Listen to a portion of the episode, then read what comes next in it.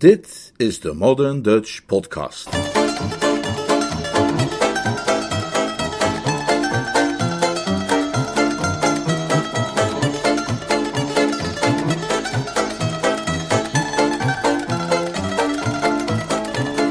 Groot gelijk, Jeeves, door P.G. Woodhouse.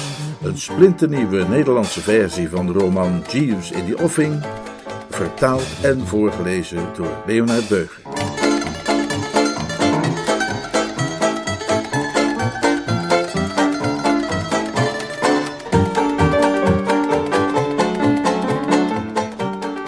Hoofdstuk 9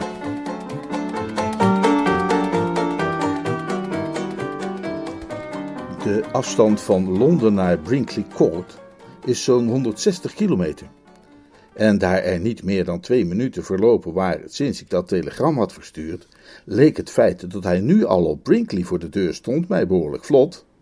Hij had nog flink wat afgeknabbeld van het record van die kerel uit die autorace sketch die Catsmeet Potter Purbright wel eens doet in de Drones Club, waarin die ene kerel tegen die andere zegt dat hij met de auto naar Glasgow gaat, waarop die andere vraagt hoe ver is dat, en die eerste dan zegt 500 kilometer, en die andere hoe lang doe je daarover, en die eerste tenslotte, oh, half uurtje, half uurtje. Er klonk dan ook een zekere verbijstering door in het hé daar, dat ik als groet tot zijn achterhoofd richtte. Bij het horen van dat vertrouwde stemgeluid draaide hij zich om met de schichtige bewegelijkheid van een kat op een gloeiend tegelpad, en ik zag dat zijn gewoonlijk zo vrolijke tronie vertrokken was, alsof hij net een bedorven oester had ingeslikt. Ik kon wel raden wat hem dwars zat en schonk hem mijn meest subtiele glimlach. Binnenkort, zei ik tegen mezelf, zou ik de rozen weer terug weten te toveren op zijn wangen. Hij slikte wat moeizaam en sprak vervolgens met holle stem, als de geest van een overledene op een spiritistische seance. Hallo, Bertie. Hallo. Daar ben je. Ja, hier ben ik. Ik hoopte al dat ik je tegen zou komen. En nu is je droom dus uitgekomen. Jij had me namelijk verteld dat je hier logeerde. Eh, klopt. En hoe staat het hier? Prima, best wel. Alles goed met je tante? Uitstekend. Met jou ook? Ja, min of meer. Mooi zo, mooi zo. Lang geleden dat ik op Brinkley was. Ja. Ziet er nog haast hetzelfde uit. Ja. Niet veel veranderd, bedoel ik. Nee. Tja, zo gaat dat, hè? Hij zweeg en deed nog wat moeizaam slikwerk. Ik kon zien dat we nu tot de kern van de zaak gingen komen en dat al het voorafgaande maar inleidende praatjes waren geweest, of pourparlers, zoals ze dat noemen. Ik bedoel het soort kletspraat dat staatslieden op conferenties uitwisselen in een atmosfeer van samenwerking en wederzijds begrip, voordat ze hun maskers afwerpen en ter zake komen. Ik had gelijk. Zijn gezicht vertrok opnieuw, alsof die eerste bedorven oester gevolgd was door een tweede in nog verdergaande staat, en hij zei: ik uh, heb dat geval in de Times gelezen, Bertie. Ik hield mij van de domme. Ik had misschien meteen moeten beginnen die rozen terug te brengen, maar het leek me grappig om die arme drijf nog even voor de gek te houden, dus ik deed of mijn neus bloedde. Ach ja, eh, in de Times. Dat geval, ja, precies. Dus dat heb je zien staan. Op de club, na de lunch. Ik kon mijn ogen niet geloven. Nou, ik de mijne ook niet, maar dat hield ik voor me. Ik bedacht hoe typisch iets voor Bobby het was om toen ze dat plannetje maakte, hem daar niet meteen van op de hoogte te brengen. Gewoon vergeten, neem ik aan, of misschien ook wel omdat ze daar een een of andere malle persoonlijke reden voor had. Zij was een meisje dat altijd al haar ongekende gang gegaan was vol donkere majesteit. En ik zal je zeggen wel niet. Je zult het niet willen geloven, maar een paar dagen geleden was ze nog verloofd met mij. Je meent het niet. Jawel, ik meen het bloedserieus. Verloofd met jou, hè? Tot over haar oren. Terwijl ze al die tijd dit gruwelijke verraad van plan moet zijn geweest. Dat gaat wel ver. Als jij iets weet dat nog verder gaat, ben ik daar erg benieuwd naar. Daar kun je maar weer eens aan zien hoe vrouwen in elkaar zitten. Een gruwzaam geslacht, Bertie. Het zou bij wet verboden moeten worden. Ik hoop de dag nog mee te maken dat vrouwen eenvoudig niet langer zijn toegestaan. Nou, dat zou toch al een probleem opleveren wat betreft het voortbestaan van de mensheid, denk je ook niet? Nou ja, Waarom zou de mensheid zo nodig moeten voortbestaan? Ja, ik snap wat je bedoelt. Daar zit iets in natuurlijk. Hij schopte driftig naar een passerende tor of kever, fronste het voorhoofd en ging verder. Dus de koude, harteloze ongevoeligheid van de hele kwestie die me zo heeft gechoqueerd. Niet de geringste aanwijzing dat zo'n plan was mij bij het oud vuil te zetten. Nog, nog geen week geleden. We zaten ergens te lunchen, zat ze enthousiast plannen te maken voor onze huwelijksreis. En nu dit, hè? Zonder een enkel waarschuwend woord. Je zou toch denken dat het meisje dat van plan is iemands leven volkomen te ruïneren, hem op zijn minst daarover iets laat weten. Al was het maar op een briefkaartje. Is kennelijk niet eens bij haar opgekomen. Ik moest het nieuws gewoon maar uit de ochtendkrant vernemen. Ik was verbijsterd. Ja, dat wil ik geloven. Werd alles zwart voor je ogen? Pikzwart. Ik heb er de rest van de dag over zitten piekeren. En vanmorgen heb ik vrijgenomen van kantoor en ben ik met de wagen hierheen gereden om jou te vertellen. Hij zweeg, zichtbaar overweldigd door emotie. Ja, wat? Jou te vertellen dat, wat er ook gebeurt, dit niet in de weg mag staan van onze vriendschap. Nee, natuurlijk niet, nee. Het, het idee alleen al, hè? Het is al zo'n oude vriendschap. Ja, ik ben geloof ik nooit een oudere tegengekomen. We zijn als jongens samen opgegroeid. Itenjasjes en, en puistjes en al. Precies. En meer als broers dan iets anders. Hè? Ik deelde mijn laatste amandelreep met jou en jij liet me samen doen met jouw laatste zakje zuurtjes. Toen jij de bof had, kreeg ik die van jou en toen ik de mazelen had, kreeg jij die van mij. Altijd zij aan zij. En zo moet het blijven, ondanks alles, precies alsof er niets is gebeurd. Zo is het. Samen lunchen. Nou, reken maar. Zaterdags golfen en af en toe een potje squash. Hè? En als jullie getrouwd zijn en een huisje hebben, kom ik regelmatig bij jullie langs voor een cocktail. Moet je doen. Zal ik doen. Hoewel een ijzeren wil zal vergen mijzelf ervan te weerhouden die kleine valse zwendelaarster van een Mrs. Bertram Wooster, nee Wickham, de cocktailshaker naar het hoofd te smijten. Nou, moet je haar nu wel een kleine valse zwendelaarster noemen? Hoezo? Weet jij er een ergere uitdrukking voor? zei hij op een toon die aangaf dat hij openstond voor suggesties. Ken jij Thomas Otway? Ik geloof het niet, een vriend van jou? Toneelschrijver uit de 17e eeuw. Schreef Het Weeskind. In dat stuk komen deze woorden voor. Welk kwaad heeft niet de vrouw verricht? Wie was het die het kapitool verriet? Een vrouw. Door wie verloor Marcus Antonius het wereldrijk? Een vrouw. Wie was de oorzaak van die lange oorlog van tien jaren en legde zo tot slot taloude Troje in de as? Een vrouw. O vrouw, bedrieglijk, verdoemelijk en alverwoestend. Nee, die Otway wist waar hij het over had. Hij had er kijk op. Hij had het niet beter kunnen formuleren wanneer hij Roberta Wickham persoonlijk had gekend. Ik schonk hem een tweede subtiel glimlachje. Ik vond het allemaal uiterst amusant. Ik weet niet of ik het me verbeeld, Romops, zei ik. Maar op een of andere manier krijg ik de indruk dat jij op het ogenblik niet al te zeer gesteld bent op onze Bobby. Hij haalde zijn schouders op. Ach, dat wil ik niet zeggen. En vanaf gezien dat ik die verraadster graag met mijn blote handen zou willen worgen, om met spijkerlijzen te kunnen dansen op haar stoffelijke resten, doet ze me op het ogenblik eigenlijk niet zoveel. Ze verkiest jou boven mij en meer valt er niet over te zeggen. Waar het om gaat is dat tussen jou en mij alles in orde blijft. En je bent helemaal hierheen gekomen om je daarvan te overtuigen? vroeg ik geroerd. Nou, misschien heeft ergens in mijn achterhoofd ook meegespeeld de gedachte dat ik misschien wel zou worden uitgenodigd mee aan te vallen op een van Anatole's diners, voordat ik een kamer ging boeken in de stierende pluim in Market Snodsbury. Hoe staat het met Anatole's kookkunst tegenwoordig? Superber dan ooit. Smelt nog altijd in de mond, hè? Het is twee jaar geleden dat ik voor het laatst iets van hem heb geproefd, maar ik heb de smaak ervan nog altijd in mijn mond. Wat een kunstenaar. Ha, zei ik, en ik zou mijn hoed hebben afgenomen als ik er op had gehad. Er zit een uitnodiging voor het diner in, denk je? Maar natuurlijk, beste kerel. Zij die honger en dorsten worden nimmer van onze deur gejaagd. Geweldig. En na de maaltijd zal ik Phyllis Mills ten huwelijk vragen. Wat? Ja, ik weet wat je denkt. Ze is nauw verwant aan Aubrey Upjohn. Dat is wat je tegen jezelf zegt. Maar Bertie, daar kan ze toch zelf zeker niks aan doen. Meer te beklagen dan te veroordelen, zou je zeggen. Precies. Wij mogen niet kleingeestig zijn. Zij is een lief, zachtmoedig kind en zo heel anders dan bepaalde roodharige Delilah's die verder ongenoemd zullen blijven. En ik ben erg op haar gesteld. Eh, ik dacht dat jij haar nauwelijks kende. Uh, jawel, we zijn in Zwitserland veel met elkaar omgegaan, we zijn echte maatjes. Het leek me dat dan nu toch wel het moment gekomen was om het goede nieuws van Aix naar Gent te brengen, zoals de uitdrukking luidt. Ik, ik weet niet of het nu wel zo verstandig is hoor, om Phyllis Mills een huwelijk te vragen, Rolmops. Misschien vindt Bobby dat helemaal niet leuk. Maar dat is juist het hele idee. Hè? Haar te laten zien dat ze niet de enige krent in de pap is. En dat als zij me dan niet wil, er ook meisjes zijn die daar anders over denken. Sta je daar nou te grinniken? In feite glimlachte ik op subtiele wijze, maar dat liet ik verder maar gaan.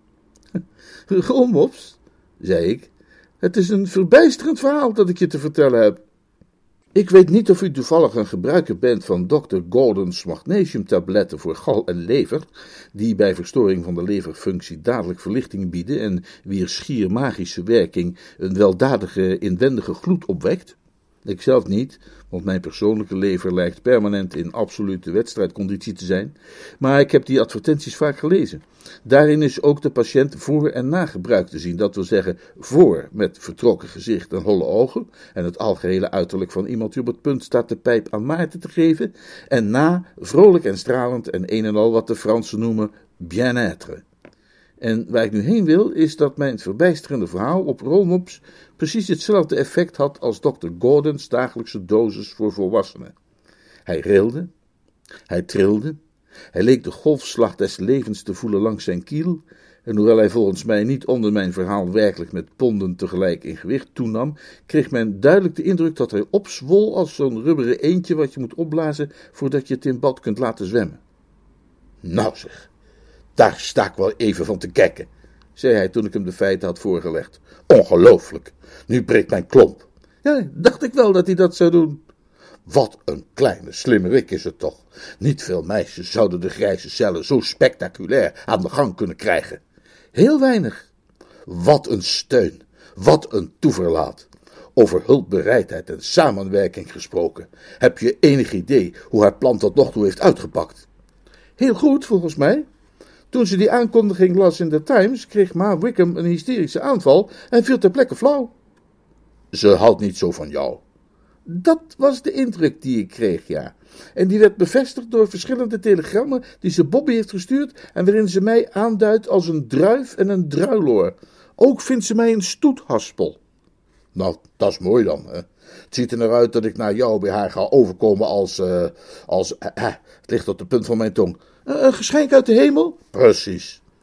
Als je in bent voor een wetje, hè, vijf piek om tien, als dit scenario niet eindigt met zo'n vervagend slotbeeld van Lady Wickham die mij omhelst, me een kus op mijn voorhoofd drukt en zegt dat ze weet dat ik haar kleine meid gelukkig zal weten te maken. God, Bertie, als ik bedenk dat zij, Bobby bedoel ik, niet Lady Wickham, binnenkort de mijne zal zijn en dat ik als straks die zon daar ginds is ondergegaan aan zal schuiven bij een van Anatole's diners, dan zou ik wel de sarabande kunnen dansen.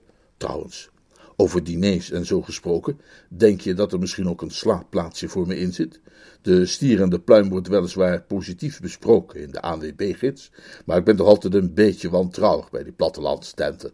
Ik zou veel liever op Brinkley Court verblijven, waar ik heel gelukkige herinneringen aan heb. Denk jij dat je dat kunt regelen met je tante? Ze is er niet. Ze is haar zoon Bonzo gaan verzorgen, die rode hond heeft gekregen op zijn kostschool. Maar vanmiddag heeft ze me gebeld met de opdracht om jou een telegram te sturen, met de vraag of je niet een tijdje hier zou willen komen logeren. Jou me voor de gek. Nee, ik meen het serieus. Hoe is ze daarop gekomen? En waarom ik? Ze wil dat je iets voor haar doet. Alles kan ze van me krijgen, al was het mijn halve koninkrijk. Wat wil ze dat ik... Hij zweeg en er verscheen een ongeruste blik in zijn ogen. Je gaat het toch zeker niet vertellen dat ze mij die prijzen wil laten uitreiken op Market Slotsbury Lyceum, zoals, Gussie. Hij duidde daarmee op een wederzijdse vriend van ons, uh, Gussie Finknottel, die de vorige zomer door mijn bejaarde bloedverwanten was overgehaald om die taak op zich te nemen. Gussie had zich ruimschoots te veel moed ingedronken en er een uiterst opmerkelijke vertoning van gemaakt en daarmee een standaard gezet waar geen enkele toekomstige redenaar ook maar aan zou kunnen tippen. Nee, nee, nee, niets in die geest. De prijzen zullen dit jaar worden uitgereikt door Aubrey Upjohn. Dat is een hele opluchting. Hoe is het trouwens met hem? Je hebt hem natuurlijk al ontmoet. O ja, ik ben hem tegen het lijf gelopen, mag je wel zeggen. En ik heb mijn thee over hem gemorst. Mooi zo, beter kan dit. Hij heeft zijn snor laten staan. Dat stelt me gerust. Het was geen prettige vooruitblik die kale bovenlip van hem weer te moeten zien. Weet je nog, hoe wij rilden van angst wanneer hij die tegen ons optrok? Ik vraag me af hoe hij zal reageren als hij geconfronteerd wordt met niet één, maar twee oud-leerlingen. En die twee dan nog wel het koppel dat hem de afgelopen vijftien jaar het meest heeft achtervolgd in zijn boze dromen. Laat me eigenlijk maar meteen op hem los. Hij is hier niet. Oh, je zei van wel. Ja, hij was hier en hij komt ook weer terug, maar nu is hij er even niet. Hij is naar Londen. Is er helemaal niemand thuis? Jawel, Phyllis Mills is er. Lief kind. Eh, en Mrs. Homer Cream uit New York City is er, met haar zoon Wilbert. Eh, dat brengt me trouwens terug bij wat tante Dalia wil dat jij voor haar doet. Ik bracht hem op de hoogte van de Wilbert Phyllis situatie en legde uit welke rol hij geacht werd daarin te spelen. En tot mijn genoegen gaf hij er vooralsnog geen blijk van zijn presidentiële veto te gaan uitspreken. Hij volgde mijn uitleg op intelligente wijze en toen ik was uitgesproken, zei hij dat hij vanzelf maar al te graag zijn bijdrage wilde leveren. Dat was beslist niet te veel gevraagd, zei hij, van iemand die tante Dalio zo hoog had zitten als hij, en die nadat zij hem twee zomers daarvoor zo hartelijk had ontvangen en genereus verzorgd, alleen maar blij was eindelijk iets terug te kunnen doen. Vertrouw maar op mij, Bertie, zei hij. Dat kunnen we niet hebben. Dat Phyllis zich verslingert aan een man die naar het zich laat aanzien zo slecht is als katoen van twee centenel.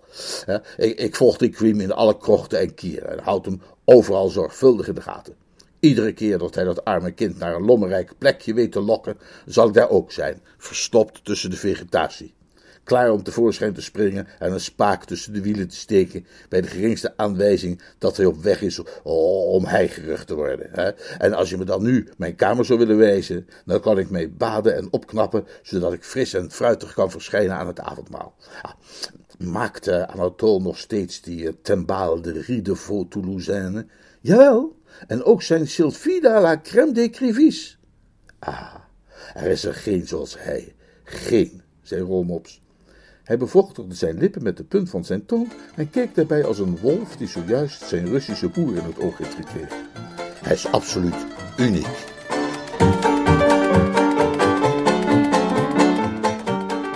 Hoofdstuk 10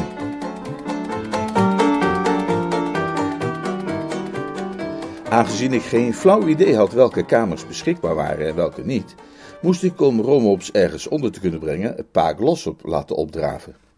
Ik drukte op de bel en bij zijn verschijnen wierp hij mij het soort van samenzweerdersblik toe dat de secretaris van een geheim genootschap gebruikte voor een vriend die op de ledenlijst stond.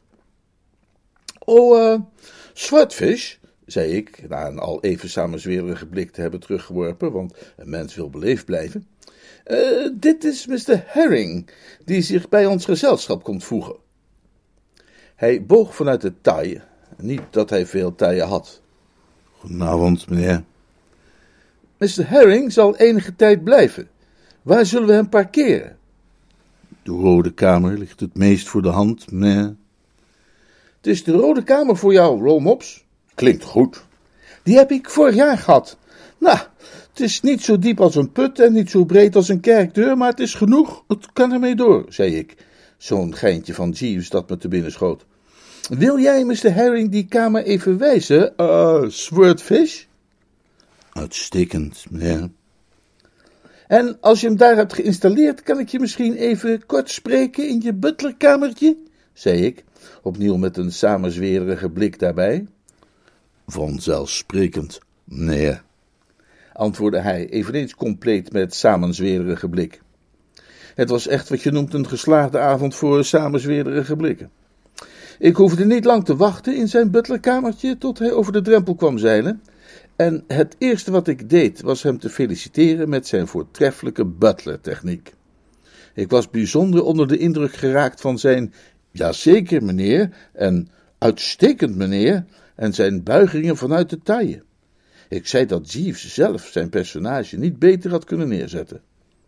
Hij monkelde bescheiden en zei dat men dat soort kneepjes van het vak in de loop van de jaren wel oppikte van zijn eigen butler. Oh, en, en trouwens, zei ik, waar heb je dat swordfish vandaan? Hij glimlachte langmoedig. Dat was een suggestie van Miss Wickham. Ah, dat dacht ik al. Ze zei me dat ze er altijd al van had gedroomd ooit een butler tegen te komen, die Swordfish heette. Een bijzonder charmante jonge dame. Vol humor ook. Maar wat zij humor noemt, zei ik met zo'n bitter lachje dat men wel van mij kent, is doorgaans niet zo amusant voor degene die het haasje is en die zich naadloos in de soep laat vallen. Laat me je bijvoorbeeld eens vertellen wat er vanmiddag is gebeurd nadat ik bij je weg was gegaan. Ah, ik ben nieuwsgierig te horen. Zet dan je oren op steeltjes en luister goed. Ik vertelde mijn verhaal voortreffelijk, al zeg ik het zelf, zonder een enkel detail, hoe gering ook, over te slaan. Hij grote genadede van begin tot einde en tste toen ik was uitgesproken en zei dat het toch wel hoogst onaangenaam voor mij geweest moest zijn en ik zei dat het woord onaangenaam bij de situatie paste als een velletje om de worst. Denk alleen dat ik in uw plaats wellicht een verklaring zou hebben gezocht voor mijn aanwezigheid, die wat overtuigender had geklonken dan dat ik op zoek was naar een muis. Zoals? Het is lastig om dat zo op het eigenste moment te moeten bedenken.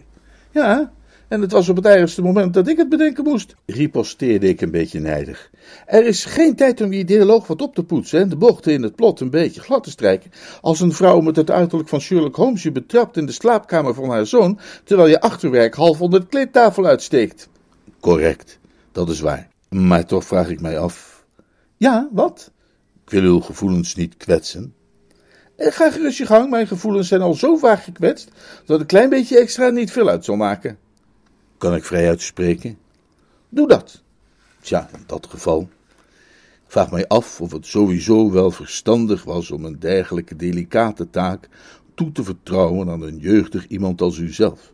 Ik zou mij willen aansluiten bij de opvatting die u zelf al naar voren bracht toen wij de kwestie met Miss Wickham bespraken. U zei, zoals u zich zult herinneren, dat een en ander eigenlijk in handen zou moeten worden gelegd van een oudere, meer ervaren man van de wereld, en niet in die van een minder geverseerde persoonlijkheid die als kind ook al niet erg goed geweest was in verstopspelletjes.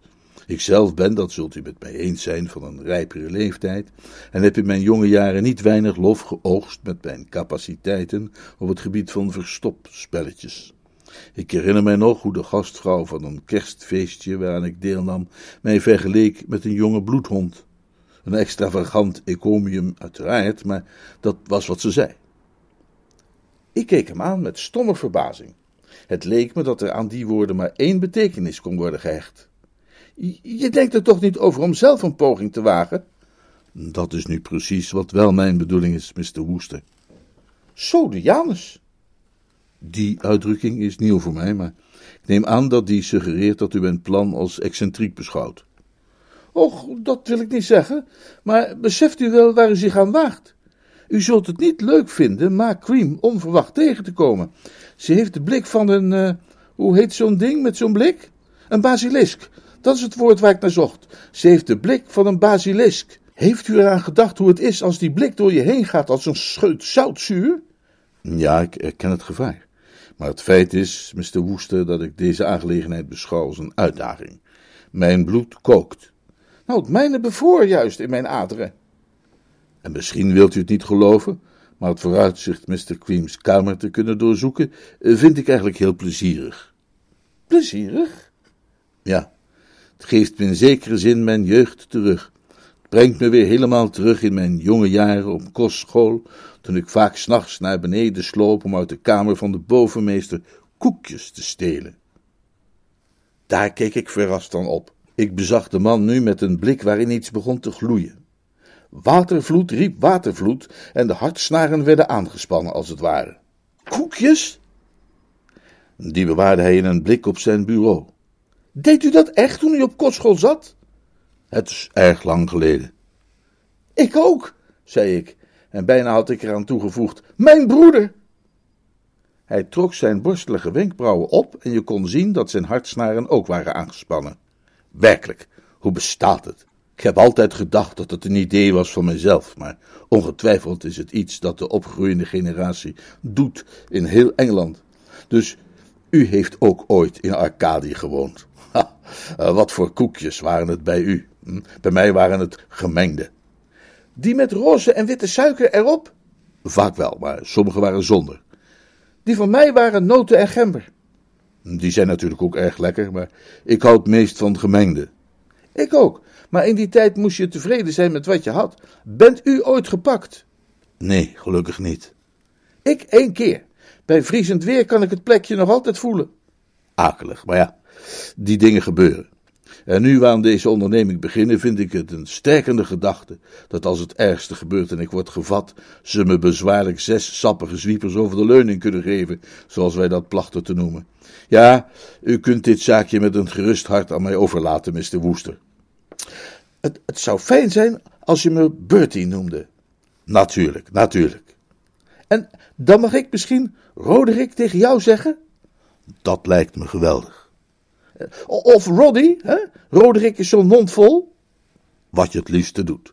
Eh, en je gaat dus echt dat verstopspelletje doen? Ik ben vastbesloten.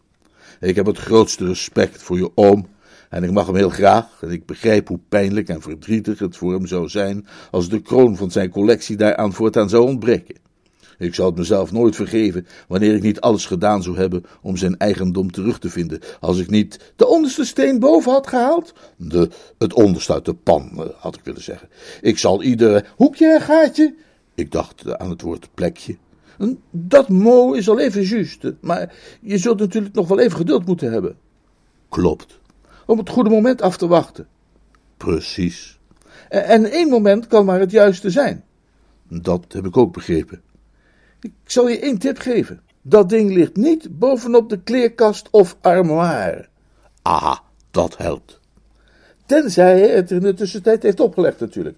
Nou ja, ik wens je geluk, Roddy. Dank je, Bertie. Als ik regelmatig Dr. Gordon's magnesiumtabletten voor gal en lever had ingenomen, had ik geen weldadiger inwendige gloed kunnen voelen dan toen ik hem daar achterliet en naar het gazon liep om Ma Creams boek op te halen, ten einde dat terug te zetten in de boekenkast van tante Dalia's boudoir. Ik was vol bewondering voor Roddy's manhaftigheid.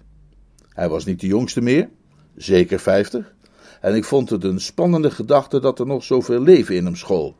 Dat liet maar weer eens zien, uh, nou ja, iets, ik weet niet precies wat, maar het liet iets zien. Ik peinsde nog wat na over Glossop als jongen en vroeg me af hoe hij geweest moest zijn in zijn koekjesjatperiode. Maar behalve dat ik wel begreep dat hij in die tijd nog niet kaal was geweest, kon ik me hem niet erg goed voor de geest halen. Dat is vaak zo wanneer je nadenkt over mensen die ouder zijn dan jij. Ik weet nog hoe verbaasd ik was toen ik hoorde dat mijn oom Percy, een uitgedroogde oude sok met op het oog geen spatje menselijkheid in zijn donder, ooit het hoofdstedelijke record had gehouden voor het uit de zaal gesmeten worden bij Covent Garden Balls. Ik vond het boek en in tante Dalia's schuilhol gekomen, zag ik dat ik nog een minuut of twintig had voor ik mij moest gaan verkleden voor het avondmaal. Ik ging dus even zitten om nog wat te lezen. Ik had moeten ophouden op een punt in het verhaal waar Ma Cream juist een stevig in haar handen had gespoegd om de cliëntele te voorzien van een flinke dosis spanning en gruwel. Maar ik had nog nauwelijks een paar voetsporen en slechts een enkele druppel bloed achter de kiezen toen de deur openvloog en Rolmops verscheen.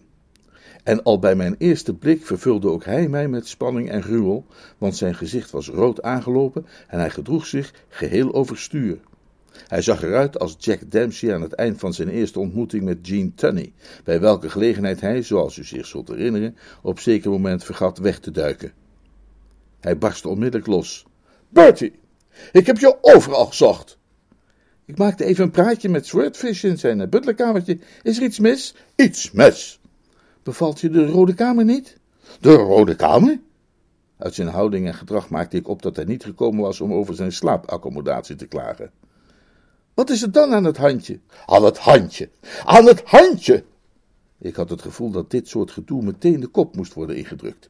We hadden nog maar tien minuten voordat we ons zouden moeten gaan verkleden en dit kon zo nog wel uren duren. Luister, vriendelijke vriend, zei ik geduldig.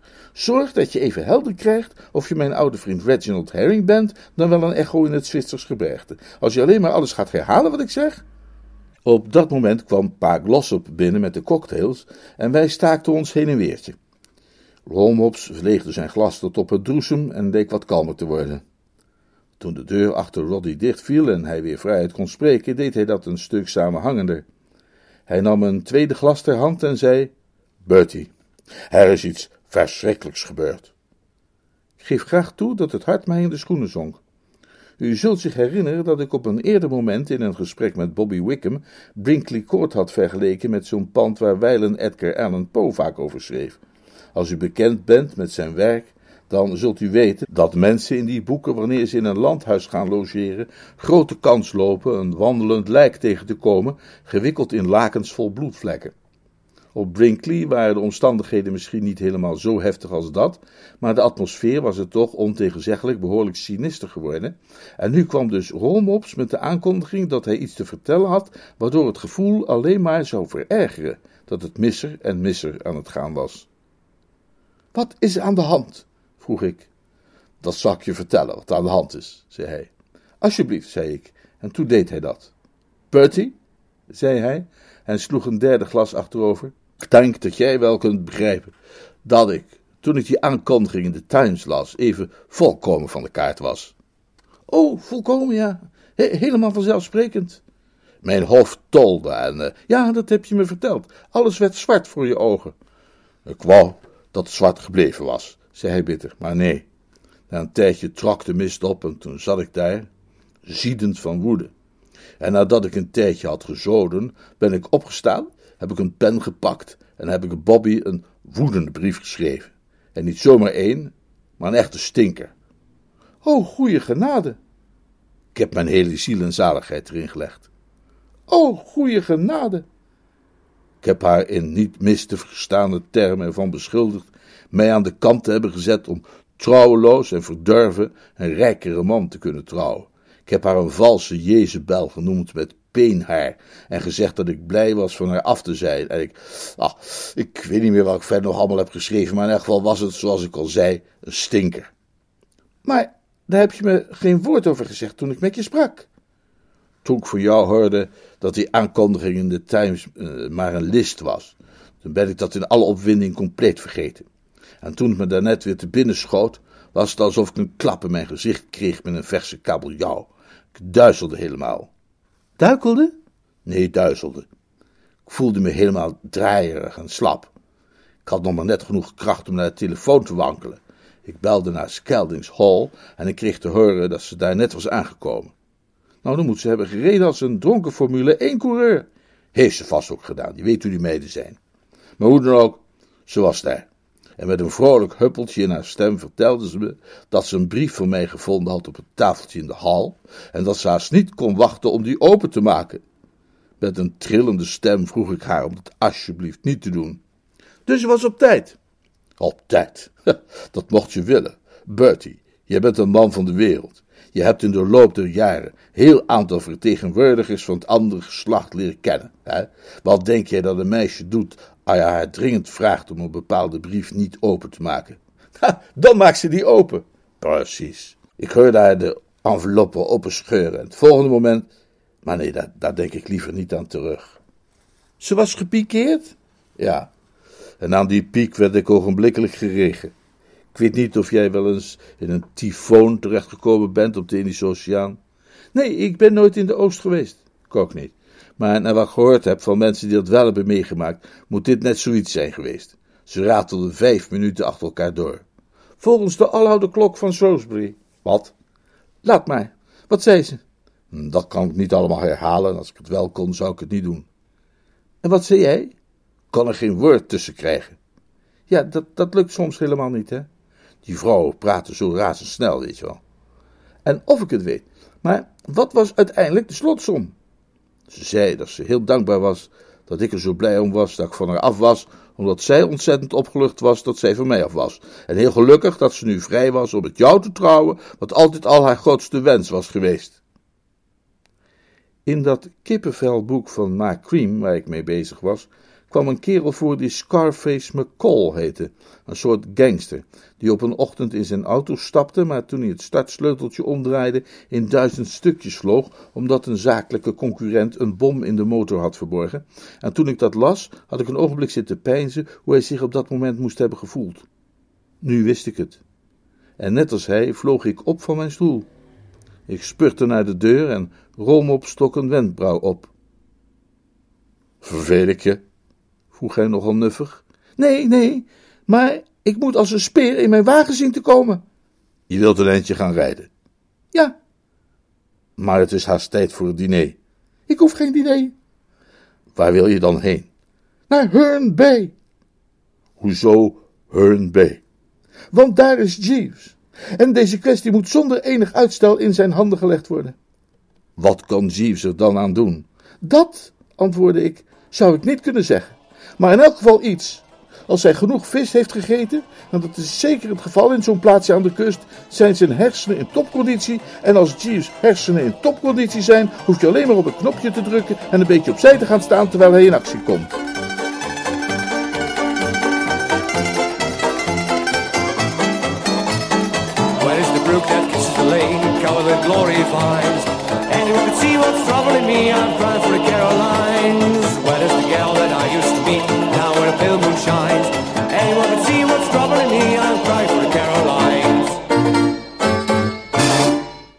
volgende keer meer.